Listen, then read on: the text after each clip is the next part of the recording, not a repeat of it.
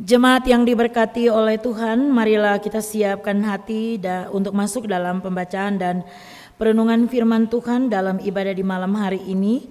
Dan untuk tema perenungan firman Tuhan, Yesus Kristus hikmat Allah membenarkan, menguduskan, dan menebus dunia. Dan pembacaan Alkitab terambil dalam 1 Korintus pasal 1 ayat 18 sampai ayat 31 dan dilanjutkan dengan pasal 2 ayat 1 sampai ayatnya yang kelima. Sebelum kita membaca dan merenungkan bagian firman Tuhan ini, mari kita berdoa.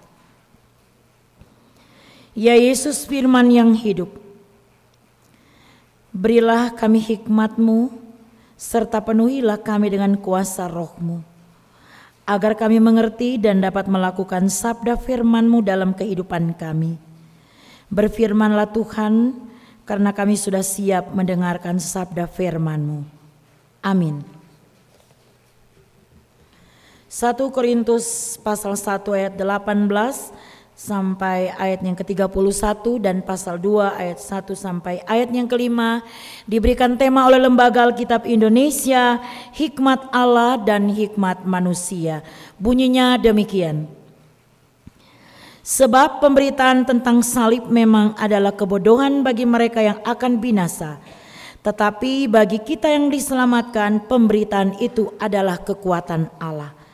Karena ada tertulis, aku akan membinasakan hikmat orang-orang berhikmat dan kearifan orang-orang bijak akan kulenyapkan. Di manakah orang yang berhikmat? Di manakah ahli Taurat? Di manakah pembantah dari dunia ini? Bukankah Allah telah membuat hikmat dunia ini menjadi kebodohan? Oleh karena dunia dalam hikmat Allah tidak mengenal Allah oleh hikmatnya, maka Allah berkenan menyelamatkan mereka yang percaya oleh kebodohan pemberitaan Injil. Orang-orang Yahudi menghendaki tanda dan orang-orang Yunani mencari hikmat. Tetapi kami memberitakan Kristus yang disalibkan untuk orang-orang Yahudi suatu batu sandungan dan untuk orang-orang bukan Yahudi suatu kebodohan. Tetapi untuk mereka yang dipanggil baik orang Yahudi maupun orang bukan Yahudi, Kristus adalah kekuatan Allah dan hikmat Allah. Sebab yang bodoh dari Allah lebih besar hikmatnya daripada manusia dan yang lemah dari Allah lebih kuat daripada manusia. Ingat saja, saudara-saudara, bagaimana keadaan kamu ketika kamu dipanggil. Menurut ukuran manusia, tidak banyak orang bijak, tidak banyak orang yang berpengaruh, tidak banyak orang yang terpandang. Tetapi apa yang bodoh bagi dunia dipilih Allah untuk memalukan orang-orang yang berhikmat dan apa yang lemah bagi dunia dipilih Allah untuk memalukan apa yang kuat dan apa yang tidak terpandang dan yang hina bagi dunia dipilih Allah, bahkan apa yang tidak berarti dipilih Allah untuk meniadakan apa yang berarti. Supaya jangan ada seorang manusia pun yang bermegah diri di hadapan Allah, tetapi oleh Dia kamu berada dalam Kristus Yesus yang oleh Allah telah menjadi hikmat bagi kita. Ia membenarkan dan menguduskan dan menebus karena itu seperti ada tertulis Barang siapa yang bermegah hendaklah ia bermegah di dalam Tuhan. Demikian pula ketika aku datang kepadamu saudara-saudara, aku tidak datang dengan kata-kata yang indah atau dengan hikmat untuk menyampaikan kesaksian Allah kepada kamu. Sebab aku telah memutuskan untuk tidak mengetahui apa-apa di antara kamu selain Yesus Kristus, yaitu Dia yang disalibkan Aku juga telah datang kepadamu dalam kelemahan dan dengan sangat takut dan gentar. Baik perkataanku maupun pemberitaanku tidak kusampaikan dengan kata-kata hikmat yang meyakinkan, tetapi dengan keyakinan akan kekuatan roh, supaya iman kamu jangan bergantung pada hikmat manusia, tetapi pada kekuatan Allah. Demikianlah firman Tuhan bagi kita. Berbahagialah segala orang yang mendengarkan firman Allah serta memelihara dan melakukannya di setiap saat dengan sukacita. Haleluya. Saudara-saudaraku yang dikasih dan diberkati Tuhan, Shalom. Salam sukacita sorgawi bagi kita sekalian yang terus berhikmat kepada Tuhan di dalam Yesus Kristus. Malam hari ini kita akan bersama-sama belajar tentang hikmat yang terambil dalam 1 Korintus 1 ayat 18 sampai 31 dan pasal 2 ayat 1 sampai 5 yang bertemakan Yesus Kristus hikmat Allah membenarkan, menguduskan dan menebus dunia. Saudara-saudaraku yang sangat dikasih dan diberkati oleh Tuhan kita Yesus Kristus, ketika kita membaca bagian firman Tuhan ini, maka kembali mengingatkan kita tentang siapa Rasul Paulus sebenarnya. Rasul Paulus adalah seorang rasul yang dipanggil oleh Tuhan ketika dia bernama Saul. Dan pada saat dia berjumpa dengan Tuhan melalui malaikat Tuhan ketika dia mau menuju ke Damsyik, dia diubah bukan lagi menjadi Saulus tapi Rasul, tetapi Paulus yang bukan tampil lagi dengan kesombongan dan hikmatnya, tetapi tampil dengan kerendahan hati dan mengandalkan Injil Yesus Kristus dalam menyampaikan kebenaran-kebenaran Injil itu sendiri. Sehingga dalam pembacaan Alkitab kita di malam hari ini, surat Rasul Paulus kepada jemaat di Korintus berbicara tentang hikmat Allah dan hikmat manusia. Pertanyaannya, ada persoalan apa yang terjadi di jemaat Korintus? Sehingga Paulus menekankan tentang hikmat Allah dan hikmat manusia. Saudara-saudaraku yang sangat dikasih dan diberkati oleh Tuhan kita Yesus Kristus. Sebelum kita lanjut dalam perikop pembacaan Alkitab ini, kita harus mengetahui bahwa sesungguhnya sumber hikmat sejati adalah dari Tuhan Allah yang adalah sumber segala sesuatu karena hikmat itu berasal dari Allah. Namun istilah hikmat dan hikmat manusia bukanlah menunjuk pada dua sumber hikmat, melainkan menunjuk kedekatan orang yang berhikmat. Karena itu kita perhatikan saudara-saudara, manusia adalah ciptaan Allah. Tetapi ketika mereka jatuh ke dalam dosa, maka hikmat Allah itu tidak dimiliki lagi oleh manusia itu sendiri, melainkan manusia punya hikmat sendiri untuk membenarkan dan mencari jalan keluar menuju kepada apa yang mereka inginkan. Nah, saudara-saudaraku yang sangat dikasih dan diberkati oleh Tuhan kita Yesus Kristus, karena itulah Paulus mau menyebutkan bahwa hikmat Allah adalah hikmat yang sejalan dengan ketetapan Allah. Hikmat Allah dipenuhi oleh Allah sendiri. Dan sebaliknya apa yang disebut dengan hikmat manusia adalah hikmat yang tentunya juga berasal dari Allah. Tetapi manusia memakai hikmat itu dengan keakuan dirinya sendiri dan coba melawan Allah. Karena itu kalau kita perhatikan dalam pembacaan Alkitab kita di saat ini ada dua kelompok yang sedang mencari identitas mereka. Bagaimana mereka membenarkan kehidupan mereka berangkat dari kehikmat manusia itu sendiri. Tetapi bagaimana Paulus meluruskan cara berpikir dan kehidupan iman mereka untuk melihat bahwa hikmat Allah yang sesungguhnya telah membenarkan, menguduskan dan menyelamatkan mereka dari dan di dalam diri Yesus Kristus.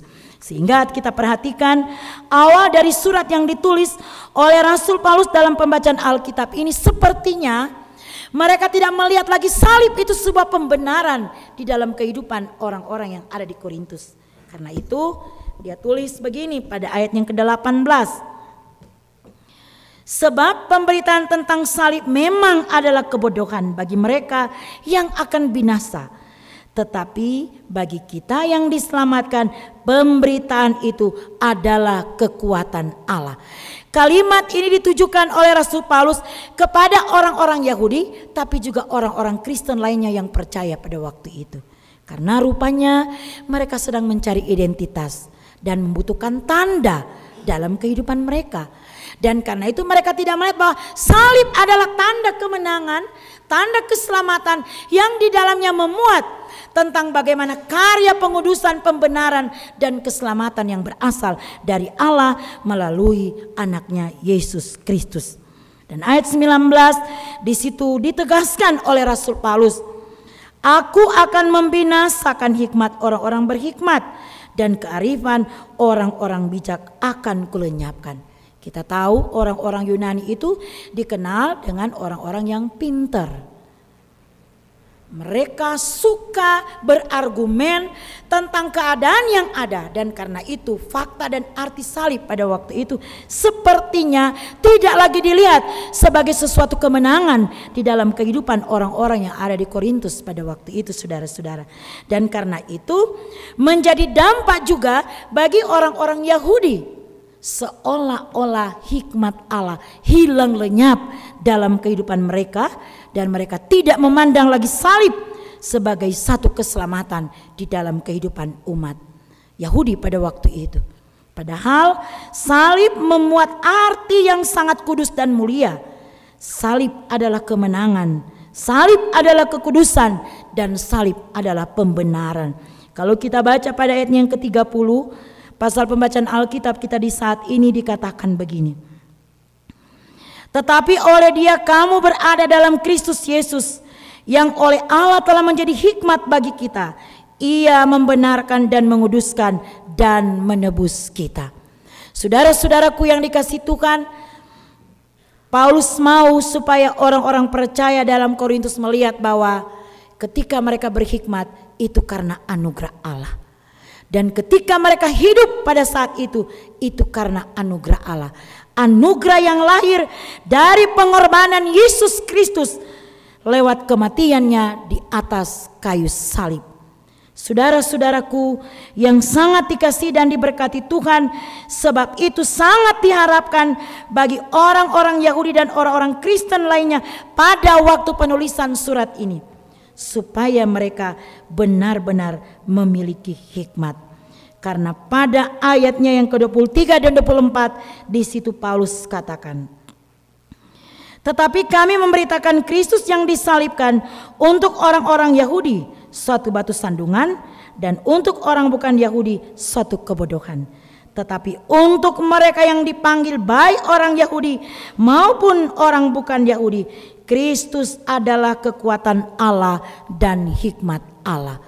Saudara-saudaraku yang sangat dikasih dan diberkati oleh Tuhan kita Yesus Kristus. Salib disebut sesuatu yang melampaui hikmat dunia. Dalam arti manusia pada dirinya tidak akan pernah mampu memahami salib dengan benar kecuali pertolongan Roh Kudus. Semua hikmat dari Allah dan karena itu manusia harus mengakui Allah adalah sumber hikmat di dalam diri Yesus Kristus. Dan karena itu, karena manusia terkadang punya hikmat Allah, manusia melawan Allah yang tidak terbatas dengan hikmatnya yang tidak terbatas. Saudara-saudaraku yang sangat dikasih dan diberkati Tuhan, maka timbul pertanyaan bagi kita malam ini adalah mengapa hikmat manusia dianggap menjadi sebuah kebodohan.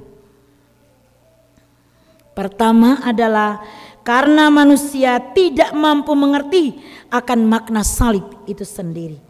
Manusia sering mencemooh terhadap sesuatu yang sebenarnya mereka belum mengerti dan manusia sering menganggap suatu kebodohan terhadap sesuatu yang sebenarnya belum dipahami. Dan hal selanjutnya adalah bahwa Allah menyatakan karyanya melalui seorang Yahudi yang tersalib yang tentunya tampak sebagai satu kebodohan bagi orang yang tidak mau menerima berita tersebut. Inilah yang dikatakan hikmat manusia dianggap kebodohan. Nah, saudara-saudaraku yang sangat dikasih dan diberkati oleh Tuhan kita Yesus Kristus, bagaimana dengan hikmat Allah?